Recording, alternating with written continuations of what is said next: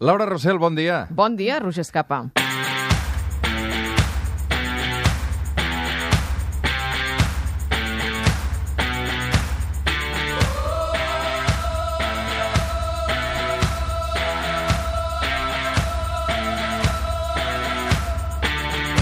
Com anem, Laura? Molt bé. Tot a punt per aquesta nit o no? Sí. Ja tens la coca de la Conxita, perquè allò que va passar la setmana passada va Ui, ser no saps com extraordinari. està la Conxita, eh? Home, deu estar treballant de valent I, aquestes I la hores. clientela de la Conxita encara més. Molt bé. Es pot explicar què faràs? Tu ets de ballar, de sortir, de... de... Jo sóc de celebrar molt Sant Joan perquè m'encanta, perquè és, per mi és la millor festa de l'any. Uh, soc de sopar amb la família, de Sí. menjar coques Mm. i de tirar petards. De tirar petards. M'encanta tirar petards. No suporto els petards. Doncs mira, amb això no, No ens ens posarem d'acord, perquè el meu pare compra uh, tones de petards, no, Sí? no una bosseta, no, tones, i Sí. llavors, com qui no vol la cosa, allò que vas tirant uns xinos, Mm, eh, ara comences. uns trons, ara unes fonts, i acabo plena de pólvora. I coets i tot, també, allò? Això no, això li deixo Ah. amb ell, això és Ah. especialitat del meu pare. Sí que fem competicions de tirar-nos petards als peus, perquè fa, fa riure molt. Però clar, I- avui és aquella nit que a mi em sap molt greu per tots els animals de companyia, no? No Perquè els res, un gossos dia, un dia, no passa no res. passen, tots els gossos no, No. passa res, no passa res. Escolta'm, uh, o sigui, es nota que no, no has de tenir gos ni gat, no? No, no tinc ni gos ni gat, tinc, tinc fills, però... Està bé, I està potser els espanten els petards, però ja ho Ja superaran. Estan amb la fase de que comencen a jugar a petards i tot això, eh? Jo les incito a tirar molts Molt bé, petards. doncs ànims. Amb... Jo el... I, I de banda musical tens alguna preferència aquesta nit o no? Uh, Deixa-m'ho pel final. Tinc Molt una bé, va. sorpresa pel final. Avui amb la Laura Rossell arribem a l'abecedari Lila, amb la lletra L, la lletra L, i necessitem ambientar-ho d'aquesta manera. Pero dibujé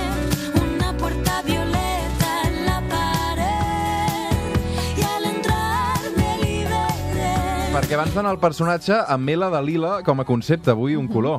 Sí, un color, el lila, el violeta, que des de fa temps s'associa a les lluites pels drets de les dones. No queda del tot clar... És el color del feminisme o no? Sí, sí, l'hem associat amb el feminisme. Deixeu-me explicar que la Laura Ai. Rossell des del dia 1 que fem aquest espai Què porta dient? un pilot o pilot Ah, de color lila. Tu dius pilot o dius pilot? No ho sé jo dic pilot. És un pilot de color lila, però és, eh, té una història. Ah. Uh, vaig anar a presentar un acte al, a Palau de la Generalitat i em van donar aquest pilot perquè em van explicar que la Carme Forcadell Sí. sempre feia servir pilots de color lila quan estava Carai. treballant al Parlament. Mm. I llavors, en, en homenatge, anava en record, no, no, no és morta, està sense llibertat, però en record amb ella uh, continuen fent servir en tots els actes que poden els pilots de color lila. Doncs I aquest mira- me'l van donar aleshores i des d'aleshores el faig servir. Quan es gasti em compraré un altre. Molt bé, doncs avui amb el lila del pilot també... Que, a veure, jo et preguntava, és, és color feminista o no és color feminista, el lila? S'associa a un color femini, al, al feminisme, a la lluita pels drets de les dones, com deien, eh? però no queda del tot clar quin és l'origen d'aquesta vinculació. Se sap que les sufragistes, en vam parlar, eh, de les sufragistes anglosaxones que demanaven el vot femení, van inventar unes banderes amb els colors verd, blanc, groc i lila. Per tant, podria ser un primer origen. També van fer servir el lila les dones afroamericanes que lluitaven per l'abolicionisme. Històricament, a Occident, el lila s'ha relacionat amb tot allò que forma part de l'univers femení, no només feminista, sinó femení. Això ho expliquen molt bé el Toni Galmés i la Maria Àngels Cabré, el llibre que es diu precisament Lila, història gràfica d'una lluita, que està editat per, per Coma Negra. Hi ha algunes metàfores, algunes expressions que, que s'han fet servir molt últimament. Les ulleres violeta, per exemple, no? quan parlem de posar-se les ulleres lila, això va fer servir la Gemma Lienes en el seu llibre El diari Violeta de la Carlota, el 2001, i és una expressió tan gràfica que ha tingut un èxit doncs, eh, espaterrant, podríem dir, perquè es fa servir per, per parlar de la presa de consciència, no? aquell canvi de xip que fem al moment que tenim present la, la discriminació de les dones. I encara un apunt més, una curiositat, la Casa sí. Pantone va registrar el color 18 barra 3838, Mm. el color ultraviolat, com el color de l'any 2018, i el va vincular Ah. a l'esperit de la lluita, a la conquesta del futur, a través de la inventiva, de la imaginació, és a dir, que és una cosa ja uh, oficial, diguéssim. Ara estava pensant, A veure, dic, molts, molts bisbes i molts capellans a vegades també porten El com porpra, ornamentacions no? Sí. també com de color lila. Sí, no, no crec sé. que siguin molt feministes, no, els no, ho- bisbes? no ho sé, n'hi ha de tot, suposo. Vaja, no. Espero i desitjo. Si hi ha un bisbe feminista, que vingui aquí al suplement i m'ho expliqui. Amb la lletra L de l'abecedari lila, avui aquesta dona.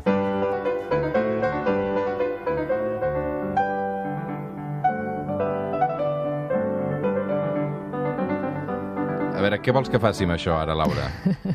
Perquè no, No, sé, no et sé dir de qui és. No, jo tampoc t'ho sabria Ah. dir. Uh, però bé, si Necessito vols... els homes clàssics. Tu, correcte, t'ho explico. És, uh, és una composició d'Isaac Albéniz, el tema es diu Sevilla, però aquí la clau no és ni el compositor ni la composició, sinó la la, en femení, intèrpret, perquè Mm. la dona d'avui al suplement és una pianista, la pianista més gran que hi ha hagut a la història d'aquest país és Alicia de la Rocha.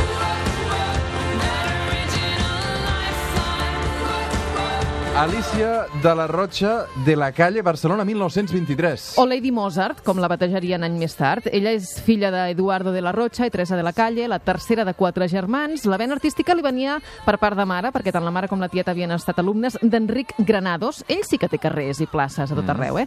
Doncs bé, l'Alicia comença a tocar el piano molt petita, però és que tenia un do tan petita que amb 5 anys, amb 6, ja comença a fer el, ja fa el primer concert. Era evident que era especial, que tenia una sensibilitat i una habilitat al piano excepcionals. La van voler protegir, sobretot la seva mare, volien evitar que es convertís en una d'aquelles nenes prodigi que acaben cremades. Ella mateixa ho explicava anys després, quan ja era una pianista de prestigi internacional. Desde que nací se puede decir que, que he sentido la música y que he querido ser música, porque además el, el- el caso- curioso en mi familia es que siendo todos músicos les daba así como un cierto horror de pensar que una niñita, un bebé que pudiera eh, empezar a, a estudiar música y todo eso les parecía que, que era en detrimento de, de- de mi desarrollo.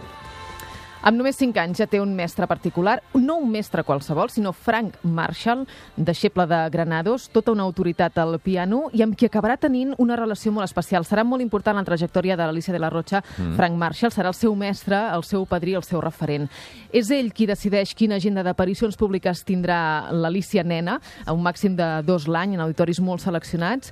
El debut és el 1929, per tant, com dèiem, quan té només 6 anys, ja toca obres de Bach, de Mozart i de Granados, deixa tothom absolutament bocabadat i els crítics ja li reconeixen en aquell moment un talent musical excepcional. Aquell mateix any toca també durant l'Exposició Universal de Barcelona i uns anys més tard, el 1934, ja debuta en una actuació amb orquestra al Palau de la Música amb 11 anys. Carai, tu. Tu vas intentar mai això de tocar el piano o de... Jo vaig fer classes de, Sí? de piano. I què? Sí, a més allà a Sabadell, a la- a l'Escola de la Música de, de la Creu Alta. Jo vaig durar una, una lliçó. Jo, jo just quan vam començar a fer les dues mans ho vaig deixar estar perquè havia d'estudiar. Mm. Però està, està bé. És aquella cosa que sempre als pares fa molta il·lusió, eh, Molta. que ho intenten, però Sí. això també hi ha, i, evidentment, amb l'Alicia tenia talent i nosaltres no Nosaltres gaire. no. Uh, aquesta nena prodigi que havia meravellat sales de concert es va fer gran i hi va haver de tornar a demostrar que tenia un talent excepcional, que ja de- d'adulta Mhm. seguia tenint aquest talent. Avui, per recordar l'Alicia de la Rocha de la Calle, hem convidat la seva filla, que és l'Alicia Torra. Què tal? Hola, Com Bon estem? dia. bon dia, molt Benvinguda bé. al suplement. Moltes gràcies. Ens fa molta il·lusió avui um, que ens acompanyis perquè ens podràs explicar moltes particularitats d'una història que, que, que alguns no coneixíem gaire, que d'altres hem anat veient també perquè mica en mica um, amb la família també us heu doncs, uh, intentat ocupar de, de, de tenir un record Sí, per ella, no? sí. Um, I que hi ha molta gent que ara la torna a reivindicar, no? Sí, bueno, mira, en en realitat eh, ens considerem guardans eh, de, de la guardians de la memòria eh? Mm, i continuem d'alguna manera el treball que va començar primer quan era nena la seva família, els seus pares i la seva tieta, i després sobretot el meu pare, que va ser el seu admirador número 1, i que va començar a guardar tot, tot, tot, tot el que tenia i sortia sobre la meva mare. Per tant, eh, el que ara estem fent el meu germà i jo és eh, tirar endavant aquesta, eh, aquest treball que va començar el meu pare i, sobretot, preservar i difondre la memòria i el seu llegat.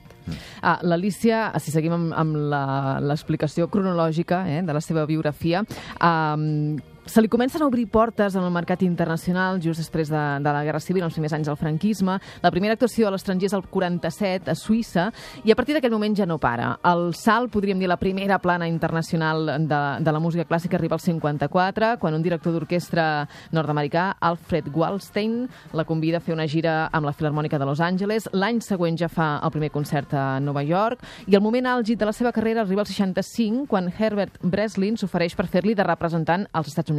Això és molt important, perquè li aconsegueix ni més ni menys que un contracte amb la Columbia, Columbia Artist. I això la catapulta, perquè des d'aquell moment, que és el 1965, i fins l'any que es va retirar dels escenaris, el 2003, no pararà de fer gires mundials i gires anuals als Estats Units. Llavors, Alicia, a mi m'agradaria, eh, per fer un retrat més, més concret de la teva mare, ella tenia algunes peculiaritats, era molt baixeta, Roger, Sí. feia un metre 45, eh, que sí? No sé exactament, no arribava però sí, metro sí, 50. era molt baixeta, era no molt arribava. baixeta, tenia les mans molt petites, però tenia una tècnica exquisita, i això és el que tothom quedava meravellat, perquè deien, com pot ser que amb aquestes mans faci Clar, aquestes composicions? A veure, ella sempre deia, bueno, jo tinc les mans proporcionades al, al meu cos, com si diguéssim. Jo soc baixeta i les meves mans bueno, estan proporcionades al meu cos.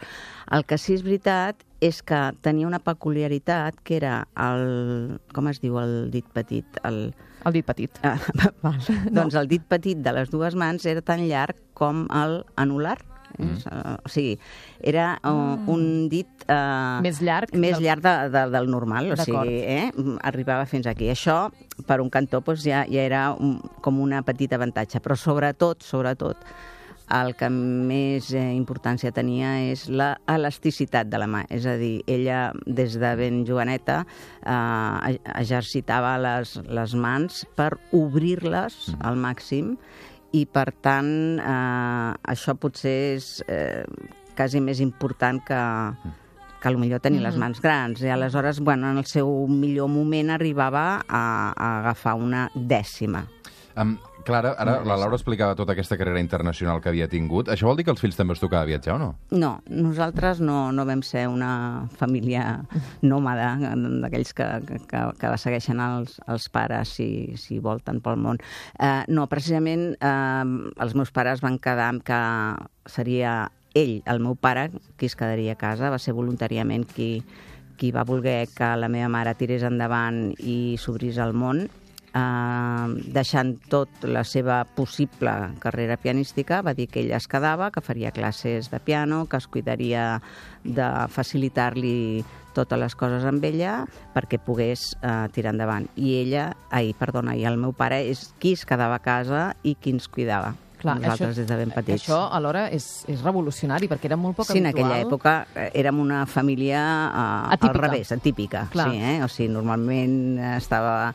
Uh, era el pare que sortia de casa i es quedava la mare amb Clar. els fills i aquí doncs, la nostra família era a l'inrevés. El, el teu pare, que es deia Joan Torra, Joan no, Torra, no l'hem dit, sí. ell era pianista també. Ell era també pianista. De, quan eren noviets havien fet eh, concerts a, a dos pianos, eh, per aquí a Barcelona i als voltants.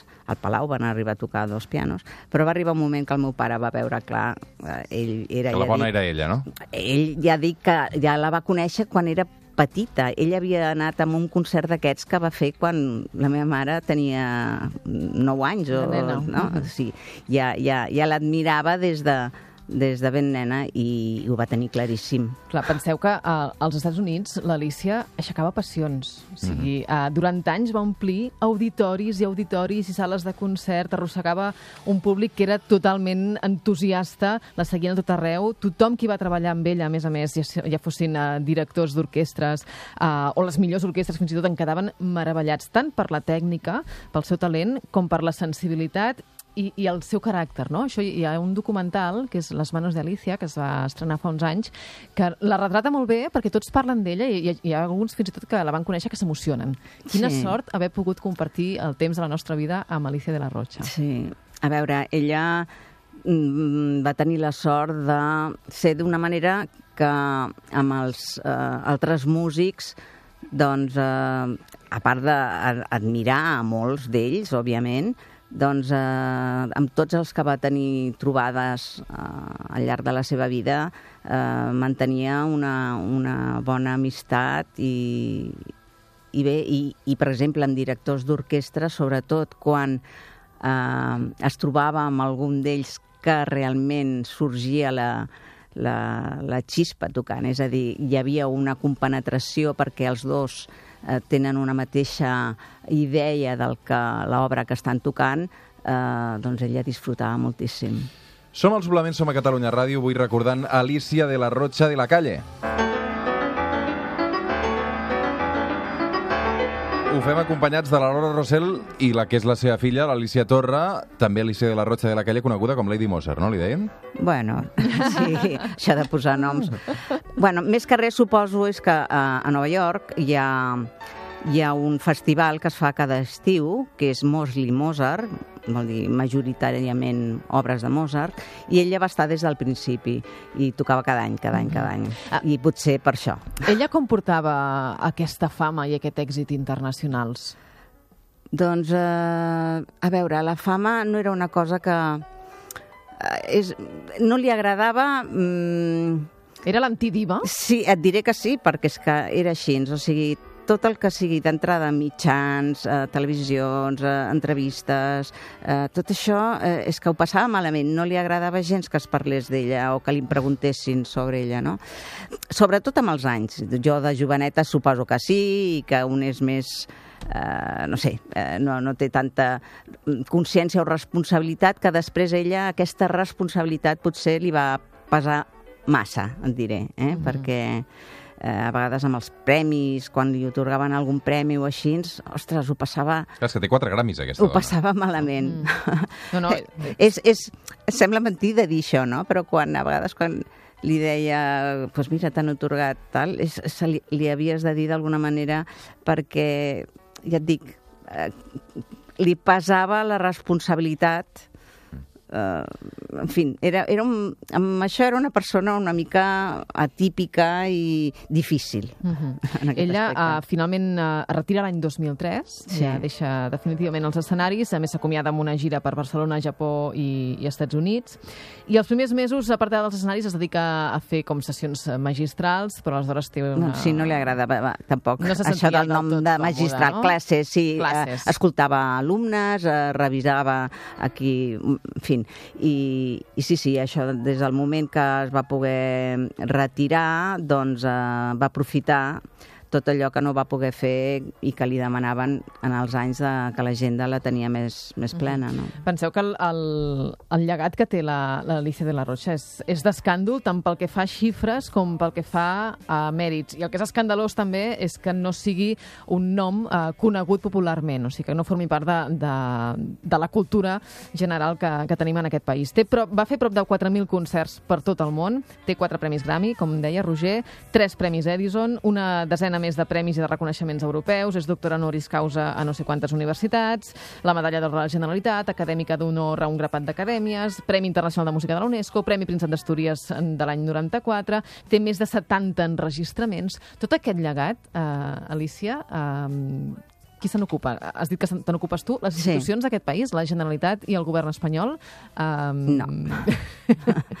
estan No. donant l'esquena a Alicia de la Rocha, és la pianista més gran Sí. que hi ha hagut en, aquesta, en aquest país. No, la veritat que d'institucions públiques mai, mai hem rebut cap eh, oferta d'ajut o de... Tampoc eh, l'hem demanat ara. Eh? Ara, que sí que es preparin perquè anirem a demanar dintre de poc un recolzament important de tot tipus perquè d'aquí 4 anys, és a dir, el 23, serà el centenari. Centenari, sí. I ara ens comencem a moure i a, i a pensar idees i, i dintre de poc tocarem portes. O sigui que, si plau doncs, que eh, estiguin... atentes a aquestes que portes. estiguin i que, bueno, que ens trobem algú que sàpiga qui, qui va ser perquè si no és molt difícil. Doncs mira, si volen saber-ho, eh, que entrin a la pàgina web d'Alicia de la Rocha, que gestiones tu, Sí. que es mirin el documental que van fer la Verònica Font i la Yolanda Olmos, que es diu Les manos d'Alicia, o que llegeixin la biografia de la Mònica Pagès, que va publicar amb l'editorial Alba, i... o que entrin a Spotify i busquin Alicia de la Rocha i quedaran espaterrats. O Sí, la YouTube. podran sentir, sí. O YouTube. Alicia Correcte. Torra, la filla d'Alicia de la Rocha de la Calle, moltes, moltes gràcies per haver-nos A acompanyat. vosaltres. Segur que ens tornem a trobar en un estudi, serà abans d'aquest centenari, que falten 4 anys. M'encantarà. Però continuem amb la Laura i escolteu bé això. Um, no marxis, Alicia, et pots No, quedar no. perquè això també et sonarà. Zwei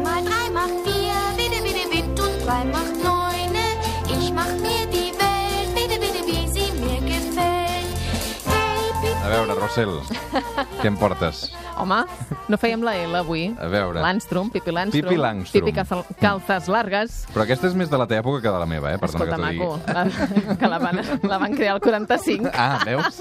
bueno, tu estàs més a prop que jo, sí. Escolta'm, és, és una icona feminista, Clar. Pipi Landstrom. Mm. Hi havies caigut, això, no? No, jo, mira, el record que tinc de Pippi Armstrong és quan era molt petit i estava malalt que no podia anar a classe eh, i obria la tele, suposo que en algun canal devien fer alguna reposició Segur. I algun capítol havia vist, però Mira, uh, és, fins un, aquí. és un personatge que es va crear l'any 1945, que el va escriure la sueca Astrid Lindgren. Sí. Uh, no tinc ni idea de suec, per tant pronunciaré tots els noms fatal. Uh, ella no volia fer un conte feminista ni un personatge feminista. De fet, uh, el personatge surt perquè la seva filla estava malalta, estava al llit i li va demanar, si us plau, mama, explica'm alguna història. I ella es va inventar la història de- d'aquesta nena. És important tenir en compte el context històric en què neix la Pipi. Eh? És la Segona Guerra Mundial, Europa totalment escardada per la guerra, amb aquella bogeria de, del nazisme pel mig, i enmig d'aquest infern neix aquesta nena de 9 anys que viu sola, que és irreverent, que trenca amb tots els motlles, amb tots els estereotips de, de gènere, que aconsegueix arrossegar milers de nens i, evidentment, que eh, aixeca, bé, moltes reaccions en contra, no? perquè una cosa tan, tan revolucionària, tan trencadora, doncs no agrada. Per tant, eh, censura. A Espanya consideraven que el personatge de la Pipi era impertinent i antipedagògic, i no és fins al 75 que aixequen la censura i, i comencen els nens i nenes espanyols a entrar en el, aquest univers de la nena més forta del món, que és com ella eh, s'autodefinia. Eh? El senyor Nilsson, el Tommy, la Nika... És una mena de superwoman en potència, una nena absolutament despreocupada, somiadora, tant li feia el que pensessin els altres, eh, ella sola se'n podia sortir, un món de, de fantasia com, que, com dèiem, aconsegueix trencar tots els, els esquemes patriarcals i que avui, encara avui, la Pipi és un referent per les nenes, perquè els hi diu, sigues com tu ets, eh, no tinguis por, sigues atrevida, que mm, et rellisqui tot el que et puguin dir i no necessites eh, ningú que et salvi. Doncs avui amb la L de Langstrom, però el... Com es diu? Com es diu el, No, el nom real? no en Va, tinc ni va, idea. Te l'he apuntat No. aquí, te l'he apuntat. Mira, un, Però, dos, o tres, sigui, quatre, cinc, sis paraules Ho per puc dir sentir nom. primer? O no? Vinga. Primer ho Me sento? llamo Pipilota, Victualia, Rogaldina, Xocominsa, hija de Efraín Landstrom. A veure, Pipilota, Victuàlia, Molt bé. Rulgardina... Ja aquí, tens? aquí, aquest és el... Sí, aquí és on patinem, Ara el eh? recuperarem, eh? Bueno, pipilota, Cru- pipilota... Krusmintia, Krusmintia, que no és aquest, i Efrasmadotter i la, Langstrup. Sí. A veure, tornem a recuperar el tall? Me llamo Pipilota, Victualia, Rogaldina, Xocominsa, hija de Efraín Landstrom. Queda clar.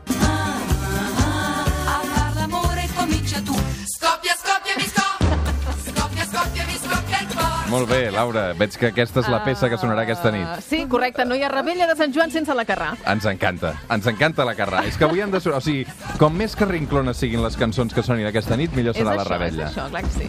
Laura, molta sort i moltes gràcies. Vinga, igualment, que vagi bona bé. rebella. Ànims amb els petards. Fem una pausa i tornem al suplement.